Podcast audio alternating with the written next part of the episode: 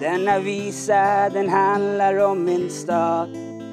Om gamla vänner och de som än finns kvar. Om de som ställer sig på H-hytter med näven i det blå. Sjunger hej, vi håller på Luleå.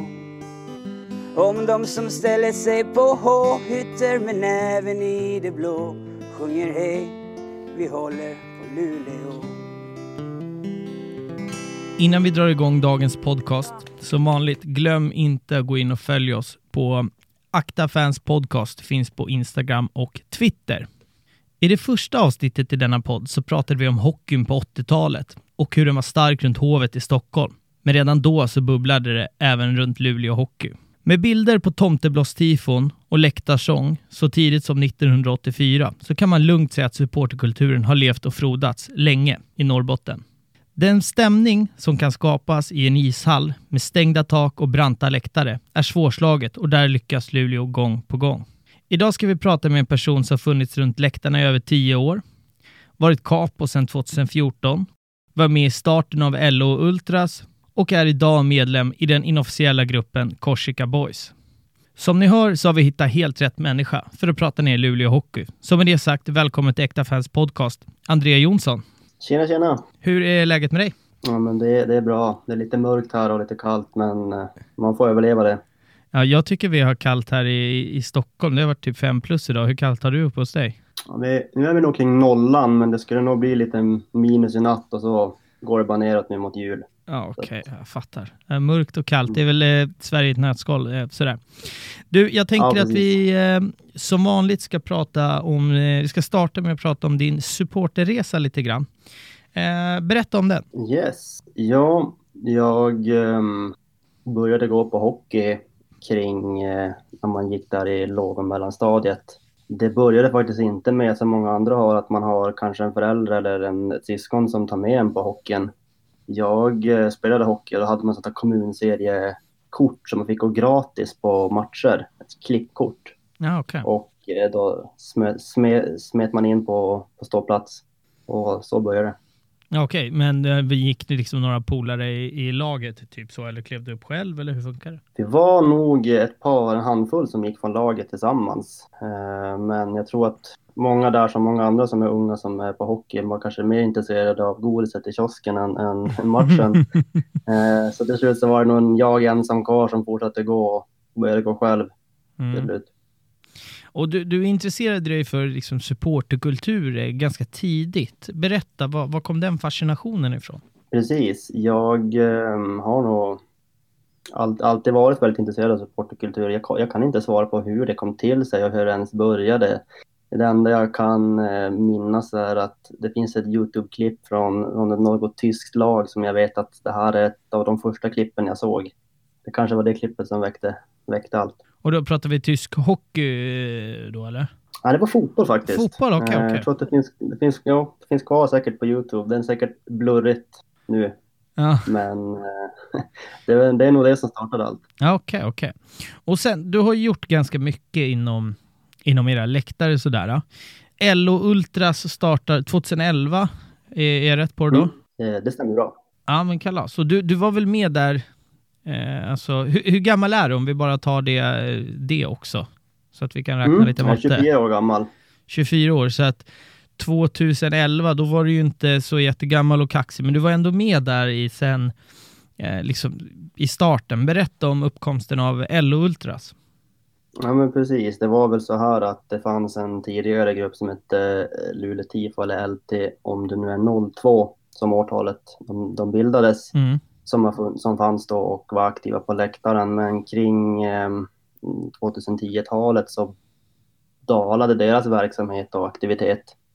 Eh, de som var med där var väl äldre helt enkelt. Det var då kvar lite, någon eller några ursprungsmedlemmar därifrån som valde då att kanske starta en ny grupp och väcka till liv allting. Och de är lite äldre än mig så att jag sprang väl kring deras, sprang väl efter dem både framför, bakom och bredvid dem och var med där vid starten. Mm, mm.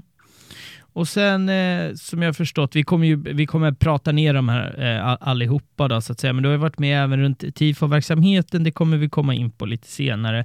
Och sen även Korsika Boys som vi också ska eh, prata ner lite senare under avsnittet. Men jag tänker att jag vill någonstans börja vid det, alltså det geografiska. Sådär. Mm. Eh, med det sagt så, vi, vi har ju pratat lite, lite innan, så att det här leder mig faktiskt in på ett rekordsnabbt. Det är hittills, det här blir avsnitt nummer 13 och det här är den snabbaste rätt eller snett som, eh, den kommer direkt här så vi kastar oss in i det. Det är egentligen eh, eh, ett påstående där som jag kommer ställa ibland så är det lite raljerande, ibland så eh, är jag helt ute och cyklar, ibland så är jag prick på det då. Men det är lite på, på, på det här ämnet som vi ska prata om. Så um, mitt påstående låter så här. Vi pratade lite inför och du sa att ni hatar ordet Norrland slash norrlänning. Och det gör ni mm. för att ni gör er egen grej i Luleå och vill inte klumpas ihop med andra. Rätt eller snett? Ja, du är ju helt rätt på det. Är det så? Jag tänkte det ja. när jag läste det här från det du hade skrivit, så tänkte jag det måste vara därför. Så, ja, men berätta mer om det här. Ja, jag vet inte. Jag tycker själv man kan, eh, slår man upp en, en karta över Sverige så kan man ju ta och se vad, hur, hur, Norrland ser ut så ser du att det sträcker sig liksom från, från Gävle upp till Treriksröset och det känns inte som att man har så mycket gemensamt med någon som sitter nere i, i Gävle. Om man bor uppe i Luleå eller lika gärna uppe i Kiruna. Så att det, är väl, det är väl rätt självförklarligt, just den grejen, geografiska.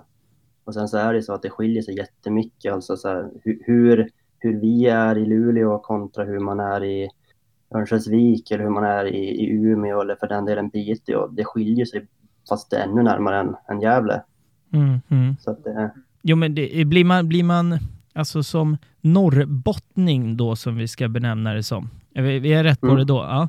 Helt rätt. Och då tänker jag så här att hur, hur blir det gentemot, sitter man och blir lite lack på Ja, men vi säger så, sådana som mig. Jag skulle ju, utan, nu utbildar ju du mig här, men jag hade lätt kunnat slängt ur med en, en flosker om, om Norrland eller norrlänningar. För jag, krasst, så, så, nu vet jag ju bättre, men det har jag inte vetat innan så att säga. Blir man lite lack och tycker att folk sitter och raljerar då? Att så här, men vad fan, det, det är ja, klart det är skillnad. Ja, liksom. Stridsyxan är nästan framme när man, när man tänker på det. Det mm. är väl så.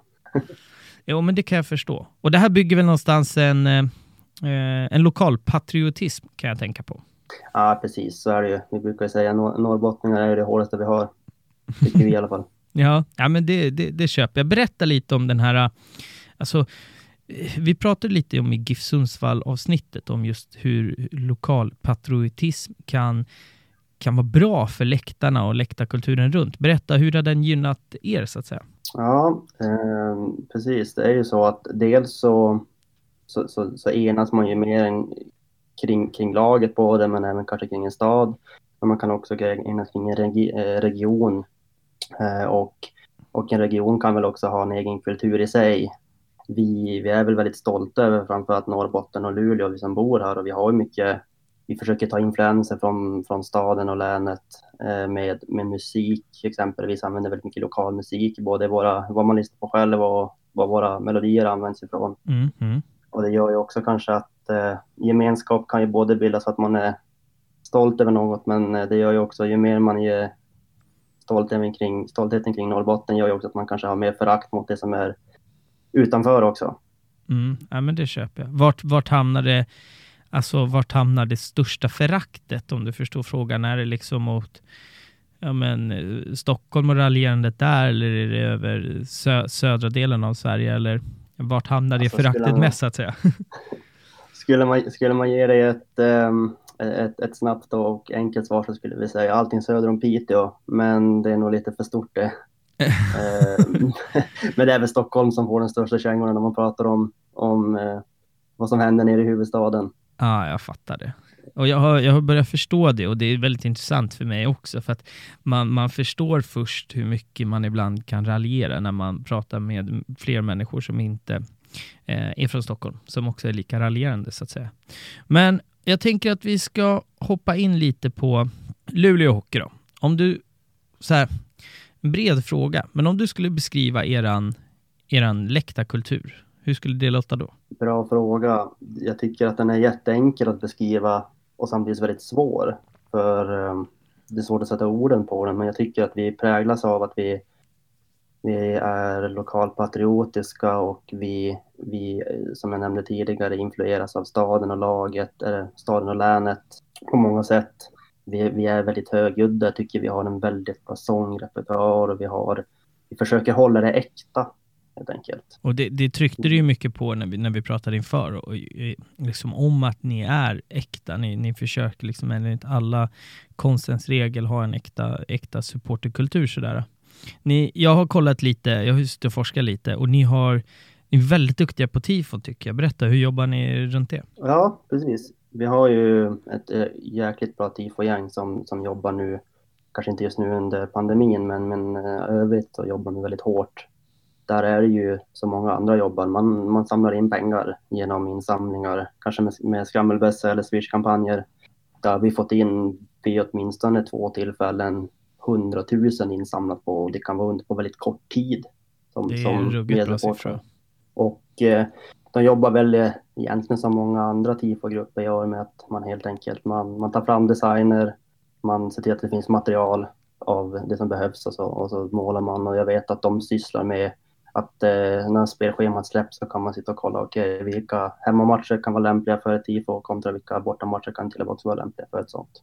Ni har ju en väldigt bra läktare att göra, alltså er ståplats i Rugge att göra tifon. Jag har ju Alltså jag tycker många olika tifon är snyggt och jag gillar passionen bakom det, men något som jag tycker är riktigt snyggt är när man har ett, alltså ett stort tifo med väldigt stor text. Alltså det är ett väldigt, alltså ett, det blir ju nästan som en banderoll, men det är väldigt korta det kan vara fyra ord över en hel läktare.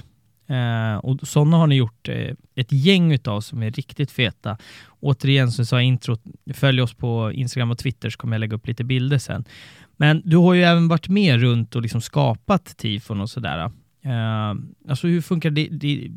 Det som är intressant är ju hur, alltså hjälper laget eller klubben till med lokal där ni får måla och sådana här saker? Eller sitter man i någons garage eller hur jobbar ni där? Ja, precis. Ehm, jag kan berätta lite historiskt bara kring TIFO-verksamheten här. Så är det så att, som jag nämnde tidigare, så var det ju eh, Luleå TIFO som körde TIFON. När eh, Ultrasgruppen startade så tog vi över den verksamheten under, under ett par år och där har det varit lite olika. Vi har väl använt vår egna arena framför allt eh, och målat i den. Bakom läktaren så finns det en, en, ett utrymme som är stort, men det är väl egentligen inte nog stort. Man får väl måla en, en hel OH i åtminstone tre etapper. Okay. Så att där har vi kört. Sen har vi väl lyckats komma åt någon sån här gymnastiksal någon gång och sådär. Tidigare i alla fall. Men klubben backar er och, och liksom ger er förutsättningar för att, för att lyckas, låter det i alla fall som. Ja, men precis. Där har vi haft en, en god relation, eller åtminstone en tyst överenskommelse att så länge det inte larmat i arenan så kan vi vara där ungefär. Mm, nej, men jag fattar.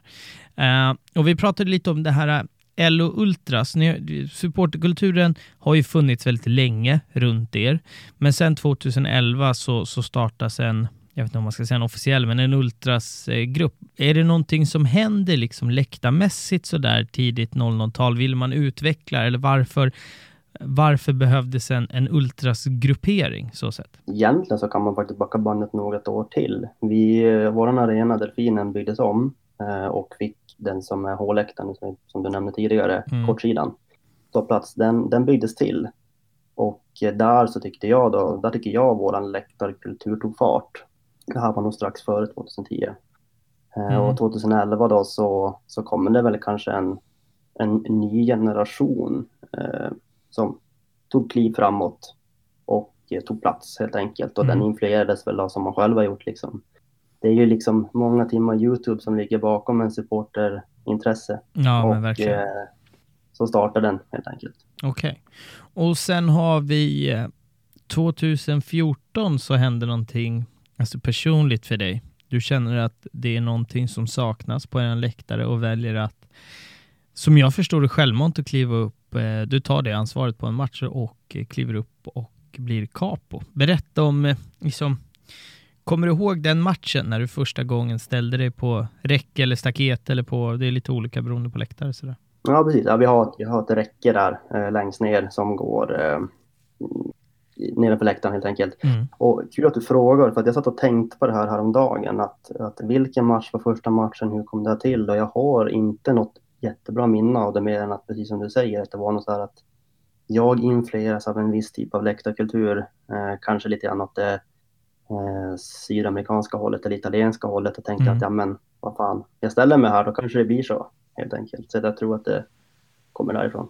Och hur, hur var känslan? Alltså, jag kan tänka mig, då är det eh. alltså, du var 18 år gammal. I många kapos mm. på många läktare är personer som är betydligt mycket äldre än så. Som kanske har funnits runt läktaren aktivt i fan vet jag, 5-10 år. Men här har vi en, en 18-åring som, som bröstar och kliver upp. Det, det, dels så är det eh, beundransvärt och ganska kaxigt att kliva upp i en så ung ålder. Berätta, hur, hur var det på det personliga planet att, att stå där? Blev det liksom en egoboost eller kände du? Berätta. Ja. ja, precis. Jag tror faktiskt att det var en egoboost. Det är nog en egoboost. Uh, man får väl eh, uh, genom kom, både ens kompensering och kanske annars löst folk fick man säkerligen en, eh, lite, gliringar och så vidare. Det får man ju fortfarande fast man har stått där länge. Mm. Eh, men man fick säkerligen lite gliringar och supporterkulturen brukar ju vara så att den, den kan ju vara lite, lite stängd att komma in som ny, men när den väl öppnas då är den väldigt öppen. Precis. Sen så tror jag också, nu sticker jag ut näsan, men jag kände mig väl att jag var efter första matchen eller kanske efter första året, vad vet jag, så eh, jag är, jag är bra på det här helt enkelt. Mm. Alltså det krävs en viss typ av människa för att, för att mm. uh, göra det. Väldigt intressant. Jag mm. pratade, när jag pratade med Emil, när vi pratade Leksand. Eh, allt jag hade förstått inför det avsnittet var att han är, liksom, han är född för att vara capo i princip. Alltså, det är en speciell, jag hade nog aldrig kunnat eh, alltså, hamnat där, eh, där själv. Liksom. Och stå, dels så är det ju, man ger ju upp mycket av matcherna, för man står ju med ryggen mot matchen nästan hela tiden. Sådär. Uh, men är du, som, du är aktiv capo idag också? Mm, ja. stämmer bra Och om, om man bara ser sen 2014 när du kliver upp till det här året får vi räkna bort eftersom det är svårt att vara kapad när det inte är något folk. Men hur, hur har era läktare utvecklats, känner du, sen, sen du klev upp liksom på, på räcket? Jag tycker den har utvecklats och faktiskt sen 2010, där som jag nämnde tidigare, har den, har den ju blivit mycket bättre och sen kanske sen jag tror inte att det kanske har att göra med 100% mig. Det har ju absolut inte att göra. Men så har den blivit bättre. Vi har delvis rensat, rensat ut de här sångerna som man kanske inte, eh, som kanske kan vara lite halv halvsnodda och vi har fått in väldigt mycket nya ramsor och vi har utvecklats alltså, på väldigt många plan och jag tycker att eh, våran, våran lägsta nivå har blivit bättre också. Um, jag, jag, tycker inte heller att det, det, spelar inte alltid roll hur högt det låter. Jag tycker att det ska vara kvalitet i det som låter. Det ska låta bra, bra texter och det kan vara bra melodier. Och många mäter ju en bra läktare genom att det låter liksom 120 decibel, men, men låter det skit det som låter så tycker jag inte det spelar någon roll. Och det tycker jag vi är jäkligt kvalitativa faktiskt. Du, du nämnde det lite i förbifarten där, just det här med, med snodda ramser och sådär. Vilket är intressant, för, alltså, när jag tittar från, från mitt perspektiv, när jag kollar på på, på andra sporter än vad jag är van att titta på andra lag, så hör man ju oftast ramser Alltså överlag, i, i alla fall i fotbollen, ju mindre, ju mindre lag det är, ju mer snodda ramsor och sådär. Men du var inne lite på det, att ni inte vill, vill, vill jobba så, så att säga. Hur svårt är det att hitta en ny ramsa på en melodi som någon annan inte redan har kört, så att säga? Det måste ju vara skitknepigt. Ja, exakt. Det är ju faktiskt det. Ehm, det, det hade ju varit enkelt att göra liksom en, en Växjö eller en Oskarshamn och bara ta liksom någon annan sångrepertoar och bara ändra lite namn här och där så, och funka. Då hade man inte behövt kämpa för sin läktarkultur, men vi har väl kämpat hårt för att liksom prägla vårt egna. Och det är som du säger att det kan ju vara oftast så är det så att en bra melodi är ju bra även i andras öron och då finns ju risken att den tas av någon annan. Men där blir det väl att man så här skriver ut i någon gruppchatt. Den här eh, melodin tycker jag är fet. Eh, vet ni någon annan kör den? Och så kanske man inte får, får man inga nej liksom. Då kanske man helt enkelt våga satsa på den. Så ibland får man att ja, ja nej men den här körs av X-lag. Mm. får man säga fan.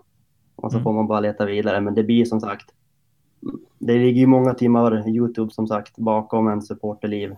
Och där hittar man ju mycket. Jajamän. Sen är det väl så att även, även de, de större, alltså de större lagen i, i Sverige, alla de, alltså, de har ju influerats någon annanstans ifrån. Alltså jag menar, mm. Som jag som är, som är gnagare liksom, och går mycket på fotboll, där kan man höra ta något mindre lag i allsvenskan så hör man haha, de har snott den här från oss. Men så kan man höra mm. våran ramsa, den är ju direkt eh, snodd från Grekland till exempel. Så att det är väl så som det eh, alltså så, så det fungerar. Ja. Så det är väl egentligen inga konstigheter, men det är otroligt eh, alltså, häftigt att höra att ni verkligen jobbar aktivt emot det. För jag tror många, alltså många supportrar stör sig nog på det, men gör ingenting åt saken så att säga. Precis, jag kan väl vika in med en grej till där också Kör. som har att göra med, med Luleå och Norrbotten. Att stoltheten kring det är ju också att vi har många ramsor som är melodier från låtar eh, med artister och band från Luleå.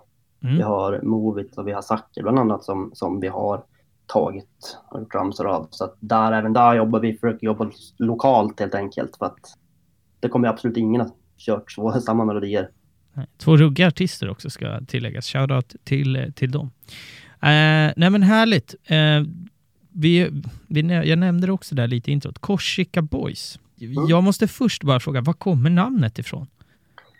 Ja, man kan ju tro att vi är någon slags, eh, att vi, vi härstammar från, från den vackra ön, men, men det gör vi inte, utan den härstammar ju egentligen från att det finns ett sunkak i Luleå som heter Korsika, där vi ah. samlades och drack bärs och käkade pizza Eh, därav namnet. Nu har de tyvärr blivit lite...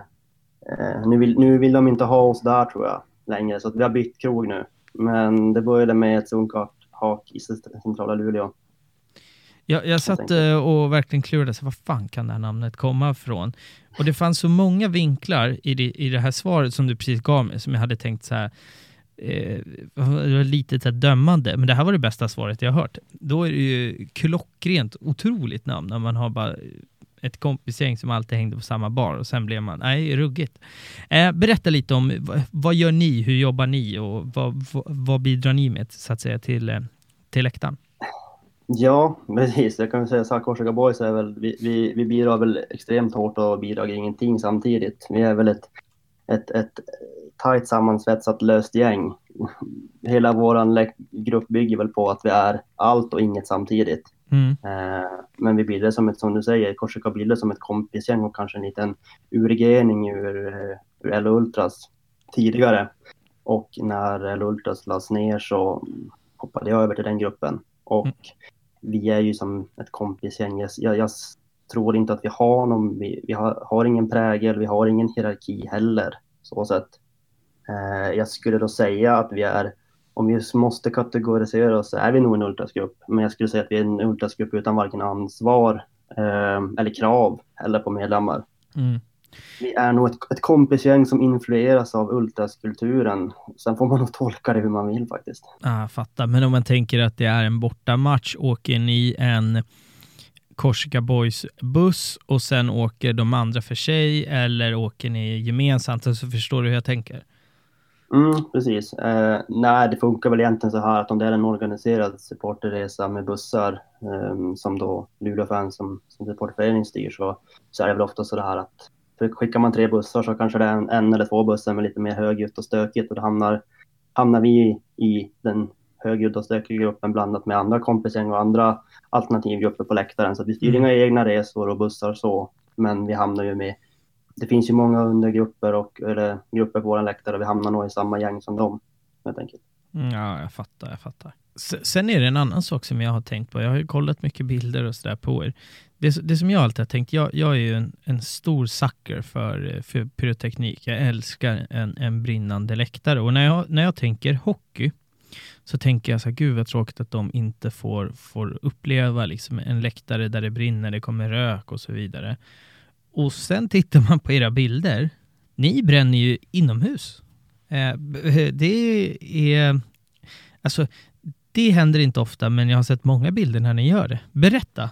Ja, precis så är det ju. Och vi är väl, eh, man, vi är väl eh, så att säga pyrotekniktorskar, många av oss, så, så är det ju och det är väl så här, precis som du nämnde tidigare också, att vi, vi har ju tomtebloss även sedan 80-talet, säkert innan det, så att vi har ju haft bioteknik i olika former, ska jag väl säga, på våra läktare mm. länge alltså. Mm. Och nej, vi kanske inte kör en... Än så länge har vi inte kört ett bengaltifo längs räcket, ska jag väl säga. Men då körs det liksom blink och rök och så vidare.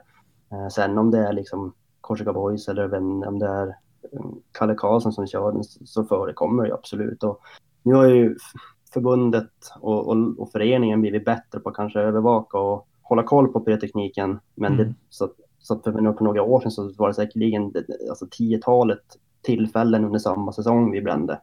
Att, eh, det, det händer absolut och det är mm. kul. Ja, men det, jag tycker det, det är skitäkta, men jag tänker att, alltså min bild, här får du rätta mig om jag har fel, men min, min känsla är att polisen överlag har, på en fotbollsläktare kliver de inte längre upp, alltså in bland supportrar på ståplats. Min känsla är att de gör det lite mer och har lättare att göra det på, på hockeyn. Uh, är, är jag rätt eller liksom på det där? Uh, du, är nog, du är nog både ja och nej på den. Jag kan väl svara för hur det funkar hos oss. Så har ju vi, vi har inga vakter eller liknande på, på våran läktare. Vi har någon publikvärd som står så att säga, eller gul väst kanske ni kallar det för ja. i, i, Stockholm. Eh, nedanför läktaren vid sargen som egentligen håller koll på så att trapporna är fria. Sen har inte vi vakter och poliser på våran läktare. Eh, de har vid något tillfälle klivit upp men det är som sagt eh, det funkar ju inget bra, det vet ju du också om. Ja, det, är inget bra. nej, det blir ja, aldrig bra. Nej, det är och så är det ju liksom självrensning. De mm. försökte ju i Skellefteå Eh, för ett par, ja nu är det ju säkert, jag kommer inte ihåg årtalet men det är ganska länge sedan. Jag var inte med själv där, så körde de ju pepparspray över hela läktaren och klev upp. Mm. Det gick inget bra heller, så, att, så att, nej, de kliver inte innan man brände. Ah, Okej. Okay. Nej, för det, min nästa fråga var egentligen så här, hur jobbar man runt det? Alltså vill man bränna inomhus så är det ju så här att det jag är van vid är att det är så otroligt stora läktare, vilket gör att det är lätt, om jag skulle bränna så är det lätt för mig att försvinna in i folkmassan.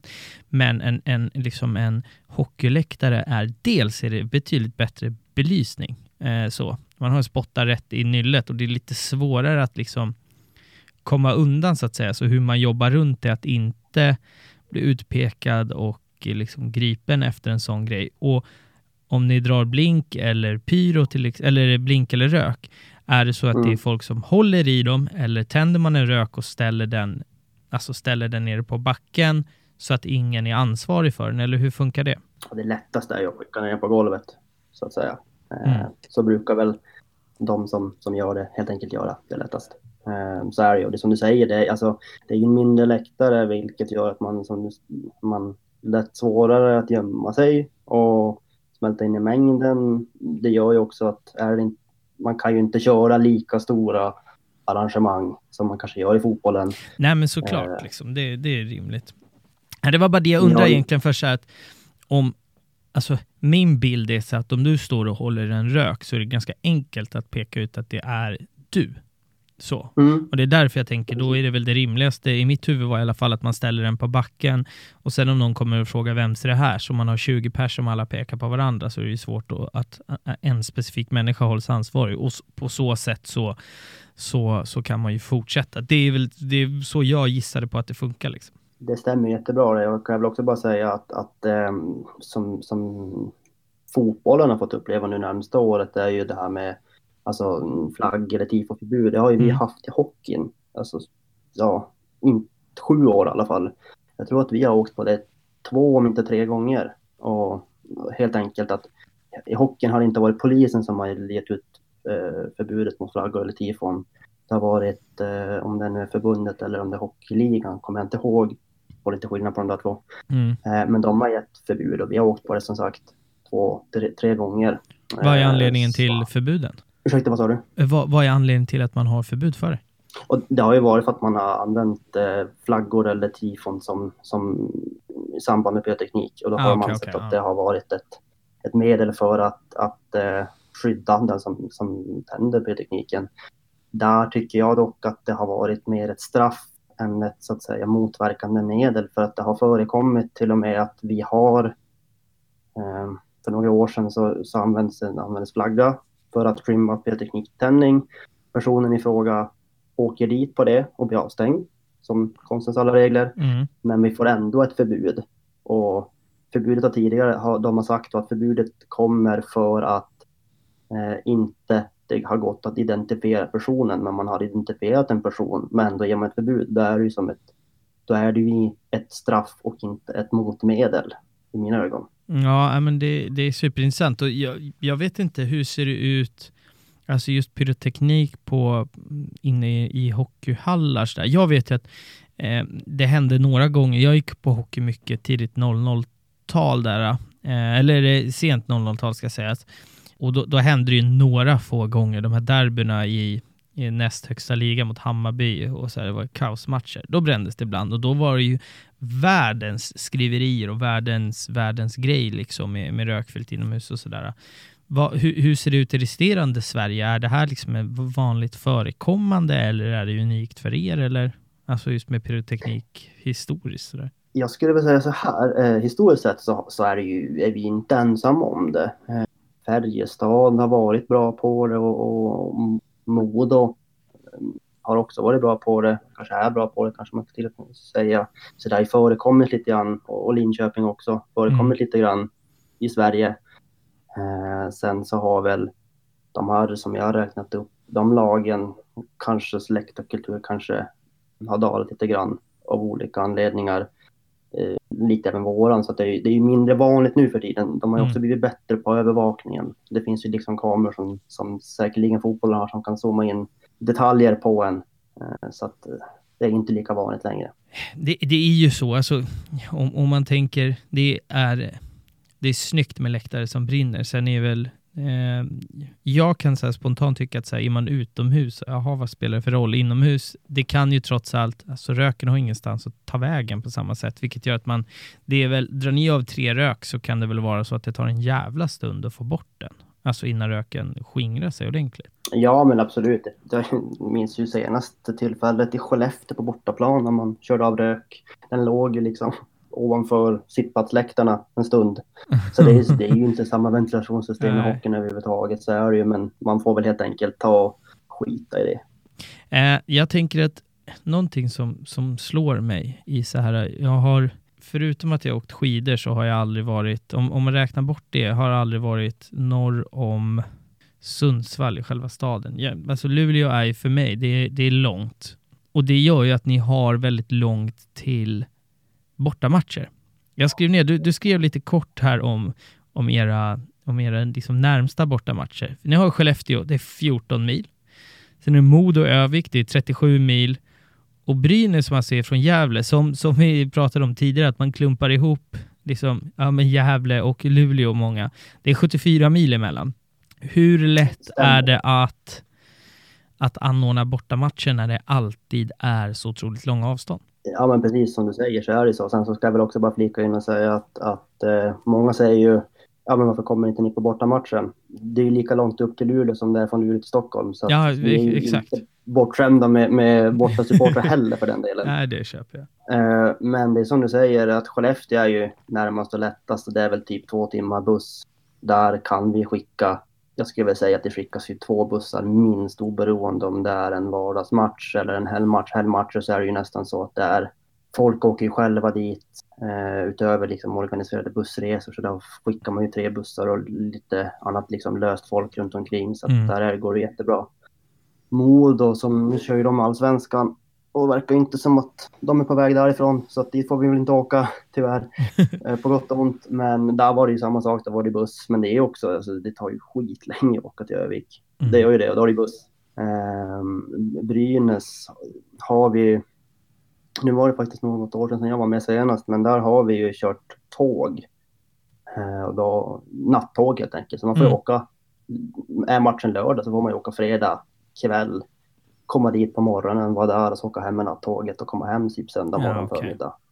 Så det är liksom ett, det är en helg för en match. Och, ja, men det var min nästa fråga om, om man jobbar liksom, alltså det absolut mest klassiska är ju en bortaresebuss. Det finns få, få, det är sällan man mår så bra som när man sitter i en bortaresebuss med man kan ju få södra Sverige också och det kan ju vara så att man, trots att det är södra Sverige, vill, vill man på match så att säga anordnar man liksom, ja men dels du säger att det är mycket man åker tåg och sådär. Jag kan tänka mig att Alltså i, i ert fall så är det ju rimligt att kanske säga, ja, flyga inom Sverige. Alltså an, får man tänka om så att säga när man, när man anordnar bortamatcher? För det är väl inte lika enkelt liksom, om det inte är Skellefteå eller liksom Övik, att ja, det, det är nattåg fram och tillbaka. Är det svårare så att säga att, att styra bortaresor och få med folk? Och hur, ni, uppenbarligen så får ni med folk och hur jobbar ni med att få med folk? Det blev en jätterörig fråga, men du fattar vad jag vill komma i alla fall.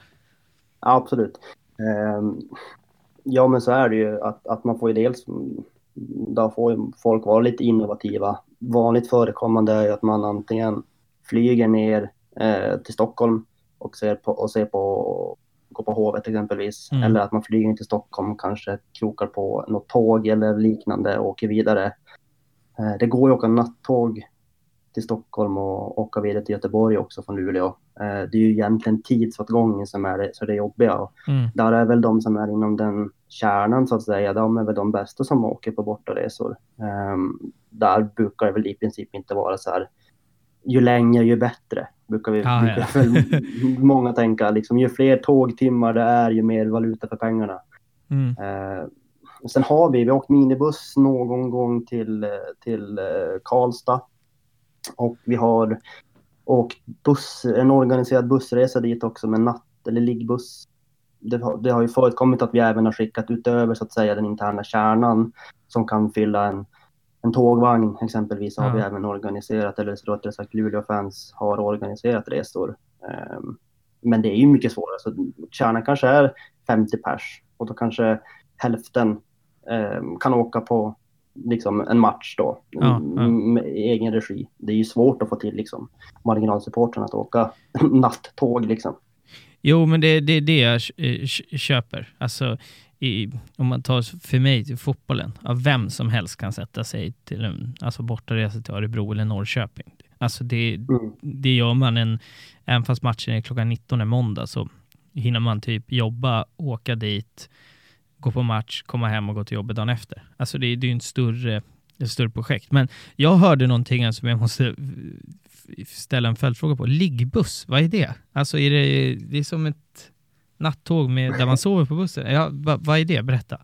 Ja, nu var det fan länge sedan vi åkte den där resan till Karlstad. Jag kommer inte ihåg vilket årtal det var. Det var en, var en kvartsfinalmatch. Vi vann i alla fall i avgörande kvart, förlängning vann vi och kom vidare till semifinal. Eh, men en liggbuss, eh, ja det är ju precis vad det är. Alltså, det är typ stolar, tvåvåningsbuss som har stolar och de stolarna kan helt enkelt göras om så att det blir då våningssängar. Jag tror att de till och med är två plus två så att säga. Så att det är alltså, får plats med ganska Jag vet inte om de tog kanske 70 pers den här bussen, kommer inte ihåg. Åh oh, jäklar, det här är ju en dröm. Då ja. kan man liksom, alltså när man ska åka långt så, så super man tills man stupar, slaggar två timmar i en säng och sen vaknar man och gasar vidare. Det låter ju som en, en dröm.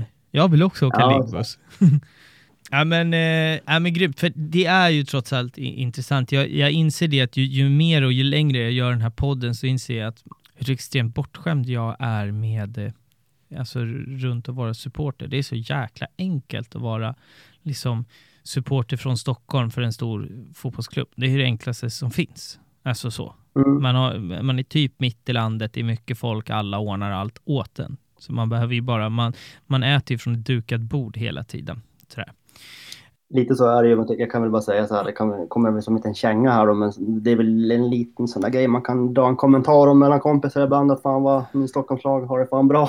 typ när man ser dem på Twitter skriva ut att ah, fan torsk 2-1, ah, två och en halv timme hem. Man bara liksom, man komma till jobbet, vad fan. Ja, det, det, det, det, avstånd, det är svårt att jämföra med där nere. Så att eh, det är ju bra, din insikt är helt rätt i alla fall. Ja, men och det är faktiskt viktigt att, att, att, att ta upp. Så jag menar, sitter man och lyssnar på, på den här eh, podden nu och, och, nästa gång man på sitt lag på sin, sin arena när, när det är liksom en Luleå-klack så ska man veta att det var inte superenkelt för dem att, att ta sig hit. Men jag tänker om vi pratar lite konkurrenter då. Jag antar av bara geografiska mått att eh, Skellefteå är en ganska stor konkurrent. Men jag, eh, vad vet jag, berätta, vilka är era största konkurrenter? Ja, exakt. Så är det ju lokal, så att säga, som du säger, så är det ju närmast i Skellefteå för oss och då, då har det väl blivit naturligt att det är en konkurrent till oss. Det har ju även varit incidenter på isen och utanför isen mot Skellefteå som kanske har spett på um, det här. Mm. Eh, Skellefteå vill hävda själva att det inte är rivalitet från deras sida till oss, men å andra sidan så jag köper fan inte det. Eh, de, vi har ju mött dem liksom på säkerligen 80-70-talet också och 90-talet sen tidigare där så att vi har mött dem länge. Modo är ju en jättestor rival tycker jag i alla fall, många andra delar den uppfattningen. Det har väl att göra med att dels har det varit lite roliga resor dit. När vi åker till Skellefteå så drar man ner tre bussar dit så krokar polisen på bussen strax innan arenan och så är det transportväg in och ut. Vi kan inte stanna in i stan eh, och vara där en dag före. Det har vi gjort nu vid tillfället. Det var faktiskt superkul. Eh, men när vi åker till Övik och möter Modo så då stannar man ju och är i stan innan helt enkelt. Och det har ju då lett till att rivaliteten har piskat på genom att man är i någon annan stad eh, en dag. Mm, mm. På något sätt. Sen har vi väl jag måste bara fråga. Väl, jag, jag skulle säga att Modo och Djurgården är åtminstone mina största rivaler och liksom det hat man känner mot alltså, Djurgården är ju det största helt enkelt. Det är ju verkligen så. Ja. På jättemånga sätt. Men bara innan vi hoppar in på, på Djurgården, varför kan ni inte vara i Skellefteå? varför har ni sånt snuthäng? Är det sån rivalitetssupporter emellan eller? Jag vet faktiskt inte om det är så att de säger att det är just på grund av rivaliteten. Det är inte så att det, för, det är inte upplopp och krig så att säga när vi möter varandra, ska man väl ha sagt. Men om det är på grund av den rivaliteten eller vad det bygger på, det vet jag faktiskt inte. Eh, jag vet att de, Skellefteå provade för några år sedan att stanna i stan hos oss innan en match. Eh, fick tillåtelse av polisen, men det gick väl inte så bra för dem. Eh, vi har stannat som sagt också en, en, och var i stan i Skellefteå innan en match. Så det har ju hänt, men jag vet, jag vet faktiskt inte varför vi inte får det det kan vara som att det är polisen som säger nej. Jag vet ju att eh, det finns ett tv-program om sådär att polistätheten i norra delen av Sverige är inte den, den mest maffiga. Det kan väl vara så att man inte har resurser kanske att täcka upp och hålla isär, vad vet jag. Men eh, berätta lite där, du var inne på det för jag avbröt dig. I Djurgården, hur kommer det sig då? Alltså, när vi pratar, om du nu är 74 mil till Gävle, vad kan det vara till Stockholm? Vi pratar nästan 100, alltså det är 100 mil. Hur kan den rivaliteten vara så stor? Ja, exakt. Nej, fan, men alltså Djurgården är liksom... Det, det, det är ju svårt att, att vad, beskriva det utan att låta som en total galning, vad, vad man tycker om dem, men, men det är ju så. Låt gärna som en total eh, galning, det är bara kör. ja, men det är ju liksom, det är piss. Alltså det, det, det, det, det är liksom man hatar dem så innerligt, och möt, men samtidigt de möter dem, det finns inget roligare än att möta Djurgården. Eh, jag vet inte riktigt, det finns jättemycket parametrar varför man hatar Djurgården, egentligen har det att man hatar Stockholm här uppe. Eh, och det har väl, man kan, eh, en del i det hela är väl kanske så här att vi är på Norrbotten och Luleå och vi har, återigen, vi känner att vi blir tömda på våra naturtillgångar och, och vi blir undanskuffade i skymundan här uppe medan storstaden där nere får all uppmärksamhet.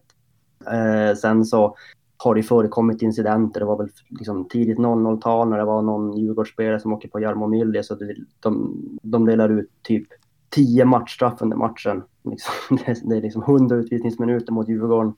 Sen hade vi ju kvartsfinalserien eh, med bästa sju matcher som går till sju matcher. Vi möter Djurgården och vi avgör i eh, förlängning mot Djurgården. Det vart ju skit in, hett kring de matcherna. Det var ju, Djurgården var ju uppe, de hade någon sånt typ 100 någonting årsfirande och de var väl uppe en buss här som var här och var lite stökig.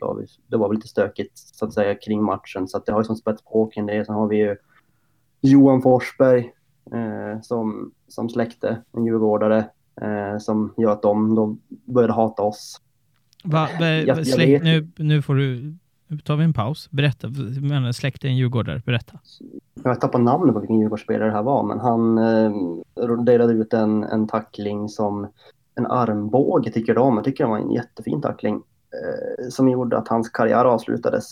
Okay. Glömt bort namnet på den här spelaren. Det var säkert någon obetydelsefull. Nej, för släkte för mig att någon, eh, alltså att eh, någon dog, så det var det. var så här, oh, nu måste vi ta ja, en paus här. Var, kanske var, beskrev det större än vad det var.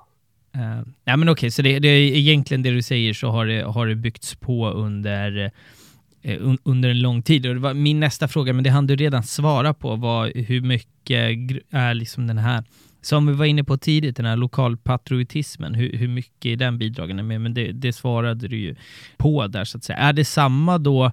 Hammarby har väl inte haft ett hockeylag som har spelat i samma serie som Luleå på väldigt länge. Är det samma när AIK, de åren de har varit uppe, eller är det speciellt gentemot Djurgården? Alltså jag tänker AIK är fortfarande också från Stockholm. Sådär. Det är kul att du säger Hammarby. när vi gick upp i elitserien 1984 så spöade vi faktiskt Hammarby. Så att de fick inte gå upp, vi fick gå upp då. Okay. Eh, på hemmaplan i Delfinen till och med. Oh.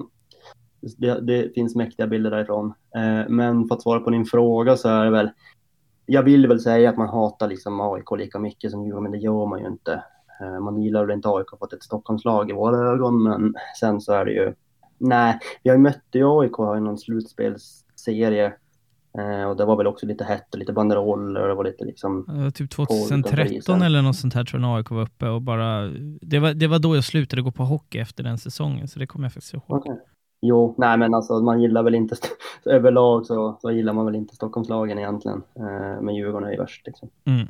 Nej men det var det, för intresset, för det svarar ju mycket på frågan att är det bara att det är ett Stockholmslag. Sen, alltså, I och med att AIK inte har varit lika stora sportsliga konkurrenter så blir det väl inte samma sak, men då finns det mer än att bara att Djurgården är från Stockholm, så att säga. Mm. Sådär. Och där har vi några av konkurrenterna och det vi har varit inne på, det leder oss faktiskt eh, på ett fint sätt in på poddens andra segment. Away Days, eh, som det så fint, nu har det fått ett namn äntligen. Så här, borta matcher som, som man absolut inte får eh, alltså, som vi inte får glömma att prata om. Eh, den som jag har snappat upp, och den har du faktiskt varit inne och nämnt lite grann, det är Skellefteå borta med eh, lite pepparspray på, på läktaren och allmänt stök. Den har jag snappat upp, men vilka får vi liksom inte missa här? Här eh, passar jag över pucken till dig. Alltså det finns ju många roliga händelser som har hänt på bortaresor, eh, både mer eller mindre organiserade resor. Jag kommer ihåg när vi mötte Brynäs när vi borta Eh, när vi körde ett nattåg ner. Eh, det var eh, något år sedan här nu. Mm. Vi körde en hel tågvagn. tågvagn. Det tog, det tog det slut öl i serveringsvagnen liksom innan vi hade hunnit lämna Boden ungefär. Så det var bra drag hela den helgen och då var det en match, jag vet inte vad Luleå torskade med, men vi var väl kanske 100 personer, om inte lite mer, på bortastå i Gävle och vi, vi, i mina ögon så tog vi över och vi, vi lät högre och bättre. Men vi torskade väl säkerligen med så typ 6-1 eller någonting och totalt utspelade. Men vi fortsatte köra på som tusan. Och det var väl den matchen som ramsan eh, “Vi är skit, vi vet” väcktes till liv. För att i sista perioden så, så valde vi att eh, kanske inse att det, här, det spelar ingen roll om vi hejar. Alltså det, så vi, vi, vi är skit. Vi vinner inte idag. Så då började vi köra på högsta volym så ekade i Gavlerinken så ökade eh, “Vi är skit, vi vet” och vi gör aldrig mål. Ingen hemlighet, allt vi gör blir fel, vi är skit, vi vet. Så det var en jävligt kul resa. Ja, det köper jag. Jag älskar när man är alltså sådana här bortamatcher där man kan vara lite ironiska eh, mot sig själva är faktiskt eh, fantastiskt och få förunnat för supportrar överlag. I, så här, jag pratade om det tidigare också, man är extremt lättkränkta så att eh, det är kul när man bara får släppa all prestige och bara inse faktum att vi är fan skit, men vi är här och vi ska göra det bästa av situationen och ha jävligt kul ändå. Liksom. Mm. Eh, vilka, berätt, berätta nu om den här Skellefteå-matchen. Vad var det som hände där? Pepparspray och allt möjligt inne på läktaren. Berätta. Ja, precis. Jag var inte där själv, återigen, men som jag har både fått det återberättat och läst till mig så var det väl så här att det var, det var innan 2010 så var det en match i Skellefteå. Jag tror att det var ganska många bussar nere i Skellefteå dessutom. Det var ganska mycket folk. Eh, det var i gamla Skellefteå arena Eh, så då hade man en hel liksom, lång si eh, kortsida som bortastå. Mm. Och efter matchen så valde polisen då att hålla kvar bortastå som man ofta gör i hockeyn för att liksom släppa ut folk i rätt ordning och så vidare. Mm. Eh, och där så började sen, av någon anledning så började polisens linjen närmast så att säga, eller polislinjen närmast började veva och hota pepparspray in i alla. Alltså, man stod och tömde pepparspaceburkar, inte på närmsta personerna framför en, utan man stod och sprutade över 100 till 300 pers. Eh, och polisen har väl hävdat då i efterhand att de, först, de, de skulle gå in på läktaren för att ta ut en äldre man som hade fått en hjärtattack.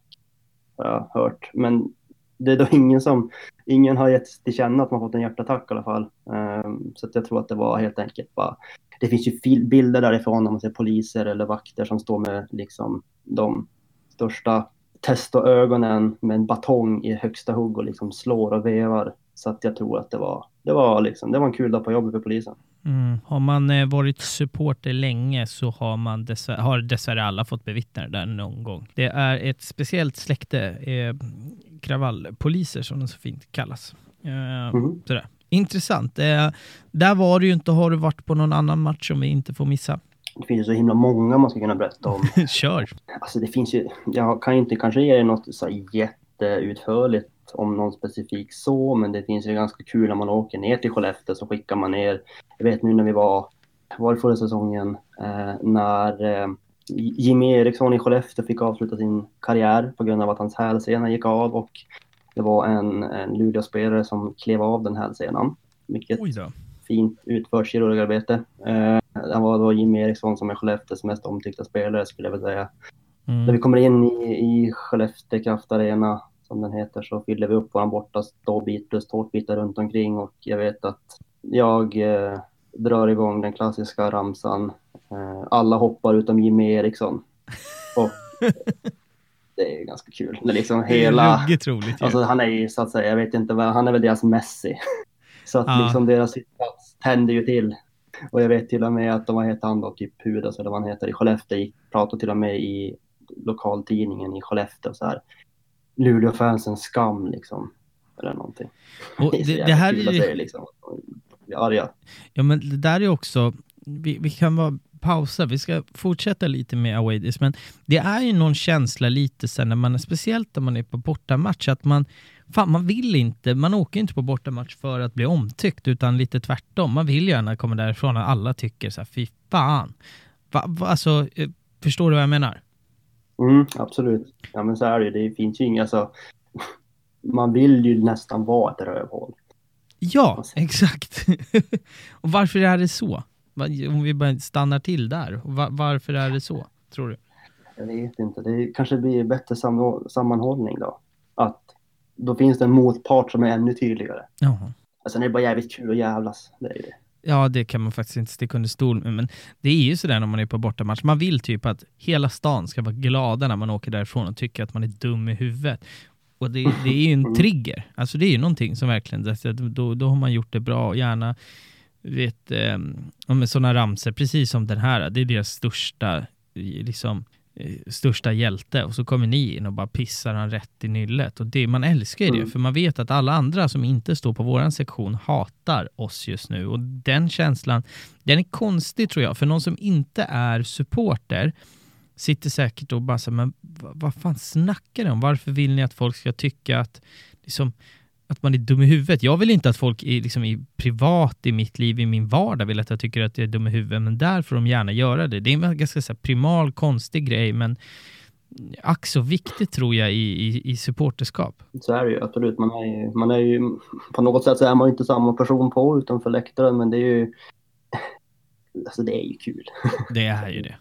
Sen kan det väl vara också så att när man är på en läktare så är det mycket lättare att vara anonym. Då, då, då tycker man man vet ju att de som sitter i det här fallet då på Skellefteås sittplats inte kanske tycker att du specifikt är, är liksom är, är dum i huvudet, för de vet inte vem du är, utan man är ju anonym i en grupp så att säga och man, det får de gärna tycka illa om gruppen. Sen är det väl jobbigare om någon tycker att man individuellt är är mm. dålig på något sätt. Det kan väl ha mycket att göra med, med det sådär. Men äh, det var bara ett, ett sidospår. Har vi eh, någon annan bortamatch eh, som, vi, eh, som vi ska prata om? Det jag ska tillägga här bara för, för poddens skull och sådär att jag jag hade en omröstning här, och nu måste vi tänka från när det här avsnittet släpps, ja, för, för, ungefär en vecka sedan där jag, där jag liksom skrev vad, vad folk tycker om, om, om segmenten och sådär. Away Days var, var det absoluta favoritsegmentet. Så, så jag tänker att vi, då, då, ska vi lägga mycket krut där, så de som lyssnar får som de vill, så att säga. Så har du någon, någon eller några matcher till som vi ska beta av här idag? Jag är ju inte alltid den mest beresta av våra supporterskaror, eller våra supporterskara, men nu kommer jag att tänka på för något år sedan återigen så, så var det en bortamatch, försäsongsmatch i Boden. Mm. Eh, avståndet mellan Luleå och Boden, det är alltså vad är det, 20, 20 minuter med bil. Mm. 20, kanske 25 om man kör långsamt. Eh, och det går tåg mellan Luleå och Boden också. Okay. Luleå och Boden har en rivalitet sen Ja, alltså jag skulle nog säga att det till och med före mina föräldrar föddes. Städerna emellan och även lagen emellan, både från hockeyn och eh, fotbollen i Ja, städerna. jag har sett artiklar på det här. Det är ju krig typ. Ja, det var ju under 70-talet så var det ju så här, nej men de, det var kravaller inne i Delfinen och i, i Boden. Och då pratar vi alltså inte liksom små kravaller utan det var regelrätta stormningar mm. mellan varandra.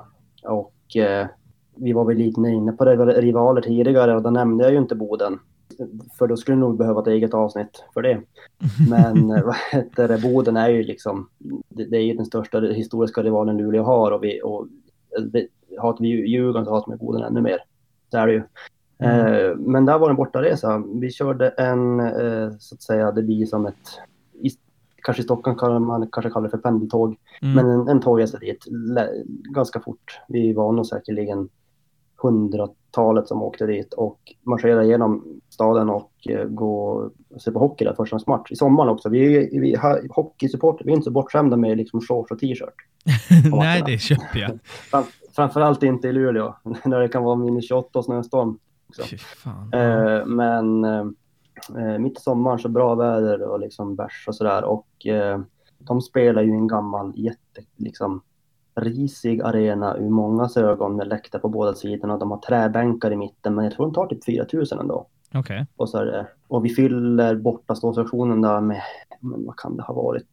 Mm, jag skulle kunna tippa på att vi är 300 pers, kanske 400 eller någonting. Mm. Eh, och liksom få stå i en arena, i hockeyn är ju präglad av den moderna idrotten genom att många kör med lasershower och man kör med musik och grejer. Mm. Eh, stå i en arena där det liksom, den är från division 1 arena och det är fullsatt arena det är liksom, jag drömmer ju nästan mer om att åka ur elitserien för att bara få besöka de här arenorna. Mm. Och det var den bortaresan liksom, stå och skrika i 60 minuter att Boden är skit. Det är liksom, och just vi som är min generation, vi har ju inte fått mött, mött Boden i tävlingssammanhang. Jag vet inte när vi slutade göra det i hockeyn, det måste ju vara jättelänge sedan. Så att det var ju liksom fantastiskt. Mm. Men en intressant fråga då, vi har ju pratat i början eh, just så här, Norrbotten, eh, man älskar länet och sådär. Sen har ni en stad som ligger 20 minuter därifrån som borde då med den lokalpatriotismen vara friendship då eftersom det är lite Norrbotten mot, mot resten. Men så har vi här då en, en, en jättestor rivalitet. Alltså, förstår du hur jag tänker här? Mm, jag förstår. Det, det låter ju skitkonstigt, förstår jag när du beskriver det. eh, och, Luleå var ju tidigare, jag tror kring 70-talet, 80-talet så var ju Kiruna var ju ett jättestort lag. Eh, och det var ju jättemycket mer rivalitet mellan Luleå och Kiruna och Luleå och Piteå i hockeysammanhang. Eh, men nu har som Luleå Hockey har blivit länets lag mycket mer nu. Mm. Så nu har det blivit liksom hela Norrbotten. Men så var det inte förut, då var det mycket mer städer. Men Boden, eh, de har väl lite det komplexet som vi har mot södra Sverige och Stockholm, att, att vi tycker att ni tar allt. Mm. Nu blir du inkategoriserad som ni här. Ja, men det är helt okej. Okay. Eh, och de tycker att vi tar allt från Boden. Ah, okay. Så det kommer nog därifrån, så jag förstår ju dem på ett sätt. Och vi, det finns ju en, en fin ramsa som är eh, att vi har tagit deras jobb, eh, alla deras jobb och eh, de, vi skulle bygga ett sjukhus i, i Boden, men det sjukhuset hamnade i Luleå, Norrbottens största sjukhus. Det enda Boden har kvar nu är deras trav och snart så tar vi travet av dem. Då har de inget kvar.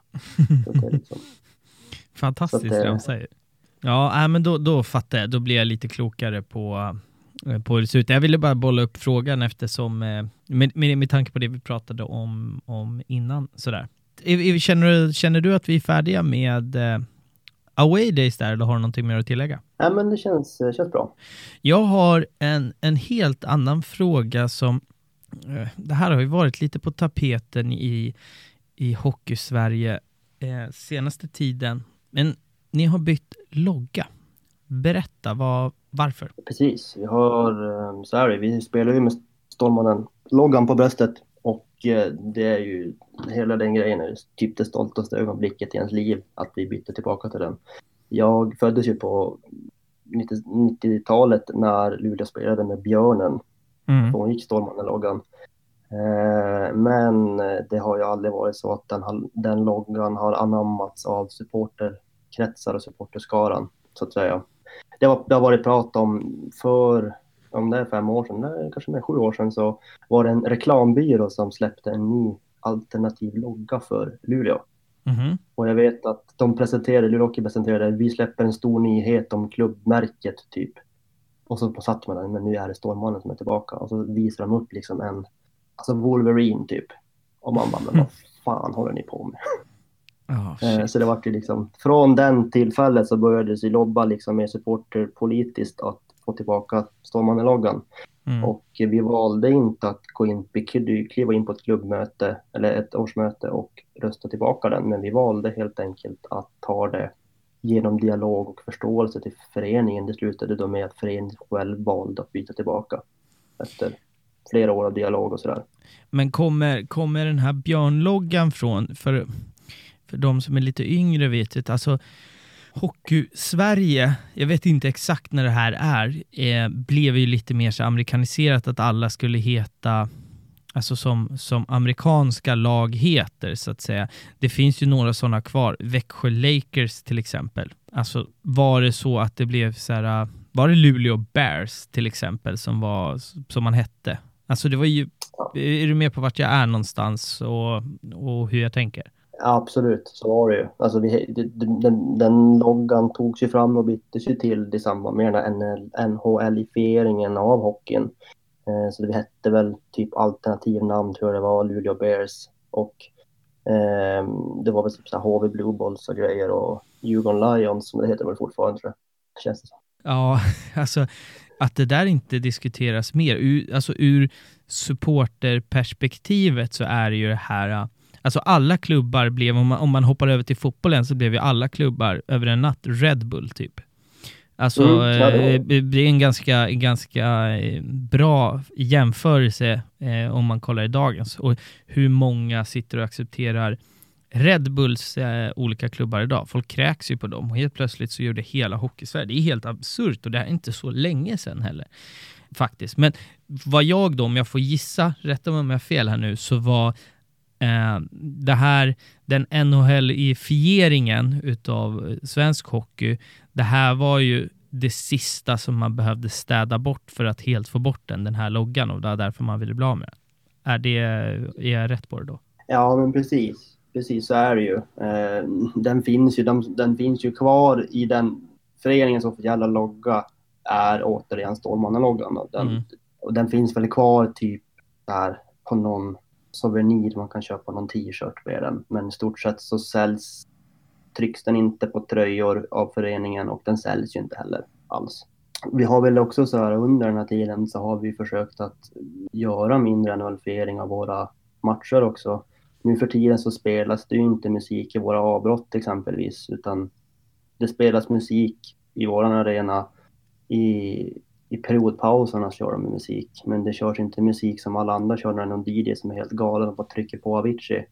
Så görs det inte hos oss. Sju låtar inför en tekning också. Det är helt galet. Ja, exakt. Ja. exakt. Och där har vi fått bort allt det här genom att vi vill inte ha det, liksom helt enkelt. Mm. Och eh, det har ju också gjort att våran ståplats, eh, hela liksom kortsidan där bästa, så att säga, sändningsbilder för reklam är, den har ingen reklam, våran kortsida vi har fått bort den så vi får hänga våra banderoller. Så det har liksom varit ett aktivt arbete att återgå till klubbmärket, ta bort liksom de, de, det vi inte Vi är inte klara än. Vi har mycket som jag inte jag är nöjd med i alla fall, men mm. vi är väldigt långt gått till det där.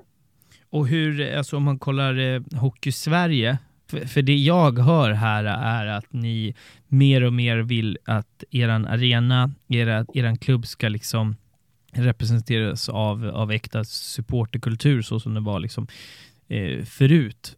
hur, hur långt fram ligger ni om ni jämför med andra klubbar i Sverige på den fronten? Jag skulle nog säga att vi ligger längst fram på den fronten, absolut. Mm. Eh, jag vet ju inte hur dialogen ser ut i andra föreningar, men om man läser på Twitter på, på vissa lag så känns det som att många supportrar gnäller mer på Twitter över sina lags eh, eller sina föreningar än att liksom gå på årsmötena. Så där jobbar vi mer aktivt med både dialog och kanske vår medlemsrätt mm, mm. och så vidare. Eh, jag tycker väl att många, men så Färjestad har ju en ganska äkta, eller väldigt äkta läktarkultur i mina ögon.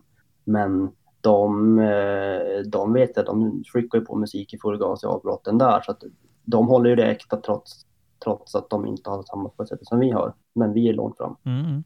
Ja, men, men, eh, superintressant, för att jag har varit inne, jag ska inte tjata ihjäl lyssnarna eh, gällande det. Det finns många anledningar till att jag inte, inte längre går på hockey. Jag tycker att det är för mycket matcher, men sen tycker jag också just det här att det blir eh, det blir lite jippoaktigt och det, det gillar inte jag riktigt. Men då är ju då är kanske pendeln på väg att, att slå tillbaka, vilket gör mig eh, väldigt glad, för det är eh, hockeyn och hockeyläktarna ska tackas för det mesta gällande supporterkultur i, i Sverige. Sådär. Ni har en annan grej som, som jag har snappat upp som jag, tycker, som jag tycker att vi ska lägga lite tid på. Jag som är från, eh, från Stockholm och går på fotboll är van vid olika marscher. Eh, Hammarby har sin där de går eh, till premiärmatchen varje år. AIK Fotboll har haft den när de går borta där mot Djurgården. Aldrig hört om det här i, i hockeyn på samma sätt, men ja, tills vi började bolla lite Luleå. Berätta om er premiärmarsch. Ja, precis så är det. Vi har ju, nu vet jag inte om vi till och med uppe på drygt tioårsjubileum för premiärmarschen så, så samlas vi inför varje säsongspremiär inne i centrala Luleå på gemensam pub eh, och stadsparken utanför. Och så sonika som många andra gör det, så vandrar man till arenan som ligger bara. Den, den är ganska central, vår arena. Mm. I den bemärkelsen att man kan promenera dit från stan. Promenerar vi tillsammans och den lockar ju. Den, har liksom, den känns som att den har ökat för varje år som den har varit. Något år har vi gått liksom i, i spöregn, men det är fortfarande ja, men, alltså, 2000 pers, om inte till och med mer nu senast, som mm. går. Och där samlas ju liksom allt sittplats, stipsar, loger, ståplats. Alla samlas och går på den. Det är, liksom, det är, en, det är en familjefest, tycker jag, utan att hålla det plastigt. Jag tänker att vi ska få upp lite rörligt på det här på Instagram också. Jag har sett bara, bara bilder på det. Det ser fett ut, så jag tänker att vi ska få upp eh, lite rörligt eh, på det sådär. För sådana här initiativ är, tror jag i alla fall, är ett av de bästa sätten att, eh, att engagera morgondagens eh, supportrar. Speciellt om det är barnfamiljer. Ja, precis. Ja. Eh, sen är det en annan sak som, eh, som jag liksom undrar lite över. Ni har ett, eh, ett friendship. Puro Mafia. Berätta, vad, vad är det för något? Ja, precis. Det stämmer bra. I, ehm, vi har, eh, återigen då, har vi ju 100 mil ner till Stockholm, men eh, vi har en finsk stad som egentligen ligger på tvärs över vattnet här ifrån oss två och en halv timme bort med bil, eh, Uleåborg. Där finns eh, Oulon Kärpet, eh, hockeylaget som spelar i finska högsta ligan. De vann, vann faktiskt ligan här för något nyligen. Eh, deras eh, ultrasgrupp Pura Mafia har vi sedan jättelänge tillbaka ett friendship med. Det startade redan från alla ultrastiden och eh, sen har ju det som bara kopplats på med, med eh, alla som är aktiva på våran läktare, eh, känner sig vänner med dem de har lite samma mentalitet som vi har, att de har ett förakt mot södra Finland. Så vi samlas liksom kring, vi samlas kring eh, benämningen Luleåborg, som mm. är då Luleå och Uleåborg. Är, är, de, är de svensktalande eller är de, eh, alltså är det som Vasa och sådär, att de pratar svenska? Nej, de snackar finska, så ah, man fattar inte så mycket. Men... Ja, okej, okay, okay, jag fattar. Engelska. Ja, men det, det måste ju vara ett, ett kul eh, utbyte så att säga och kunna åka dit på några matcher då. Jag antar att de kommer på era matcher ibland. Berätta lite om, alltså vi säger att de kommer över med 10 eller 20 gubbar, hur, och, och, ska, och ska gå på eran match. Hur, hur funkar det så att säga? Ja, precis. Eh, men, eh, det är ju till att börja med väldigt kul att få se finska ligan är ju lite mer den är ju som mer reklam men ändå också inte lika utvecklad på många sätt. Så de har ju fortfarande kvar träbänkar och äldre arenor på många sätt. Mm. Så det är ganska kul att se det. Eh, men kommer de till oss så står de ju med, med oss. Eh, har med sig sin banderoll och hänger upp den och står med oss helt enkelt. Och mm. Egentligen som, som de, de, man håller väl lite på varandras lag så att säga.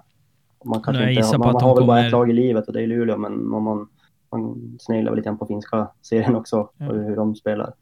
Och likadant när vi är där så, så är det samma sak. Då, att man, man, vi hänger upp våra banderoll och är med dem. Och eh, det är också roligt att det inte bara egentligen vi som gruppering som är vänner med varandra utan även våra övriga läktare och kanske kärnan känner en närhet till Luleåborg. Men är det så att ni, jag kan gissa då att man åker över kanske en lördagsmatch så går man på match och dricker lite pilsner sen? Är det, är det så det, ni jobbar liksom? Ja, men det brukar vara så precis, exakt. Mm. De, eh, de är bättre på att åka hitåt för jag tror att det kanske är lite roligare att eh, vara fin, från Finland och åka till Sverige. Men så är det ju absolut. Du, vi ska hoppa in på poddens tredje segment. Fem snabba. Korta, enkla svar om jag inte ber dig att eh, utveckla dem helt enkelt. Yes. Fråga nummer ett då. Bästa hockeyarena i Sverige? Bra fråga. Får inte jag har inget rakt svar där. Boden är ju kul för att det är trä. Den, den är rolig att vara i. Ja, vi, får, vi, ja, men vi säger delfinen då. Nej, men du får inte säga delfinen. Det är fusk. Men du har, okay. eh, du har Boden. Ja, men vi säger så här då. Egentligen som man, Skellefteå har en bra bortastå. Det är bra att få tryck där. Mm. Ja, men då kör vi på Skellefteås arena helt enkelt. Om du inte får välja er då, vilken är Sveriges bästa hockeyklack? Eh, jag tycker Färjestad ligger närmast oss. Eh, i, i kultur. Eh, om du fick skicka ut ett lag ur SHL, vilket eh, lag hade du kastat ut och vilket lag hade du plockat upp? Ja, man hade velat skicka ur liksom, ja, men typ Pisseväxjö eller någon sån här plastig förening mm. i hockeyn. Så hade man velat ha upp Um, jag känner ingen, inget gott till dem egentligen, men man vill kanske väl upp Björklöven. Det är ju bara 30 mil knappt mm. till Umeå. Så det är en bra resa. Mm. Så bye bye Växjö och välkomna Björklöven helt enkelt. Stämmer. Vilket är det snyggaste tifot som ni har skapat? Snyggaste tifot är, tycker jag, det här äh, med äh, en, en pojke som, som rit sitter och med slitna kläder sitter i strandkanten, har Luleås stadssilhuett i, så att säga, framför sig och ritar LOF i sanden med fingrarna som om att han har ingenting i livet men han har föreningen stor ja. OH. Jag har sett den här, den är ruggig. Men de bakom den är helt fantastiska. Ja, den är ruggigt snygg. Den kommer också upp på Instagram den är, och Twitter. Den är helt fantastisk, den målningen. Den är ruggigt, ruggigt snygg. Fråga nummer fem då.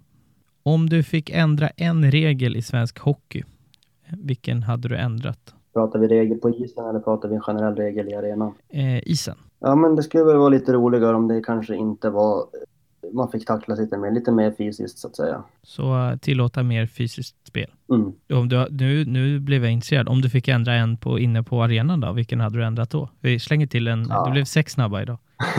Bärs på läktaren.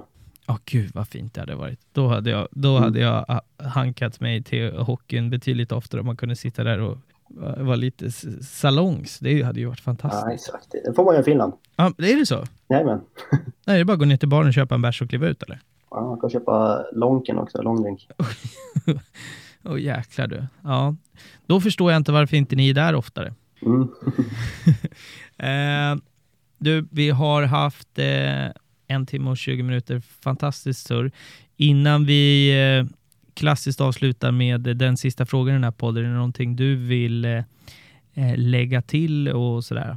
Ja, men, nej, egentligen inte, men jag kan tycka att alla stö stö stöttar er lokala lag faktiskt. Både, både i allmänhet men också under de här tiderna. Köp souvenirer, köp säsongskort och så vidare. Mm. Det, det, behövs. Jag kan inte mer än, äh, än hålla med. Om det är någon gång, om man har funderat på att köpa ett säsongskort någon gång för man har en klubb närmast hjärtat så är det den här vintern man ska passa på faktiskt. För det är nu de behöver det som, äh, som mest. För er som har lyssnat så avslutas alltid podden med exakt samma fråga. Så jag ställer den till dig också. Vad är supporterkultur för dig? Supporterkultur är, eh, det är ju passion och gemensam stolthet. Eh, det är, det är vi mot dem och det är, det, det är, det är rave på läktaren. Det är Ray på läktaren. Du, jag kom på en fråga bara så här äh, innan vi i slut, innan vi liksom stänger ner helt och hållet. Som du berättat lite för mig så har du ganska bra koll på liksom, hockeyläktare utomlands och sådär. Hur mm. står sig svensk supporterkultur ute i världen hockeymässigt? Vi är kanske topp tre i världen skulle jag säga, i Europa. Kanske topp två. Jag tycker Schweiz är bäst. Eh, de är jämna så bäst, jäkligt äkta är de. Det finns Youtube och Lugano, så finns det bra där. Tyskland är också bra, lite ojämna tyvärr. Amerikansk eh, idrott, eh, det tänker jag att vi för all framtid ska skippa och prata om i den här podden, för det är någonting annat än vad vi sysslar med sådär. Ja, men grymt, det har varit eh, sjukt intressant, eh, ruggigt bra avsnitt. Innan vi, eh, innan vi stänger för dagen så glöm inte att följa eh, poddens sociala kanaler. Akta fans podcast finns på Instagram och Twitter. Vill ni följa min privata så heter jag Jalle Hindersson på Instagram och Discodirektören på Twitter. Har du några sociala medier som du vill pusha eller vill du hålla dig lite i skymundan? Nej, men man kan söka på André Jonsson på Twitter så där man nog hitta mig. Jajamän, jajamän. Med det sagt hörni så, så tackar jag så jättemycket för att ni har lyssnat och tack för den här veckan så hörs vi nästa måndag. De unga de drömmer sig härifrån Att stå på egna ben bortom dimridån När kommunpolitiken gör en ung man besviken. Inga pengar till kulturen och musiken. Över banken mot en svanande del av stan. Delad av rika och fattigmannens barn. I en driva av snö ligger Anders för att dö. Efter Benzo, Axel F och Subutex. I en kvart i 34 i när han vill fly tömmer han grisen och går dit. Han är alltid väldigt trevlig, frågar hej, står det till? Ge mig en gubbe av det renaste vitt som finns. Snart går solen upp över Gyltsuddens tak. Snart smälter isarna som hållt Luleås ett tag. Ja, det vallfärdas till skylten i vårvärmens famn och det skrattas på varje bänk i norra hamn.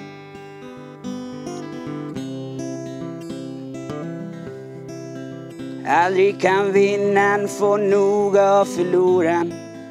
Aldrig får vännerna du har se dig svag. I en ömkande tid sitter chefen med pistolen. När du minst anar är du varslad och förlorad. Och den trygghet som en gång var din slav är nu som bortblåst och var är du idag? Du måste lära dig att leva utan lyxen och behagen. Du måste leva utan materialen och kraven.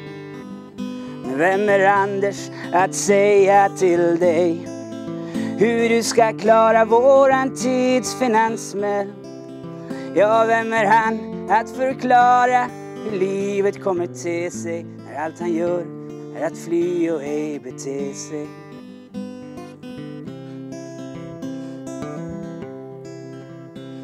Och finns det ett hopp att finna Finns det någon tro på den tid som en gång var? Kan du lita på dig själv när det kommer till att brinna? När allt du har är att slåss för att vinna? Kan du förena dig med en likasinnad? Vågar du verka i en lust att slå dig fri? Kan du lita på dig själv när det kommer till att springa? När allt vi har är du och jag som vi. Denna visa den handlar om min stad. Om gamla vänner och de som än finns kvar. Om de som ställer sig på H-hytter med näven i det blå.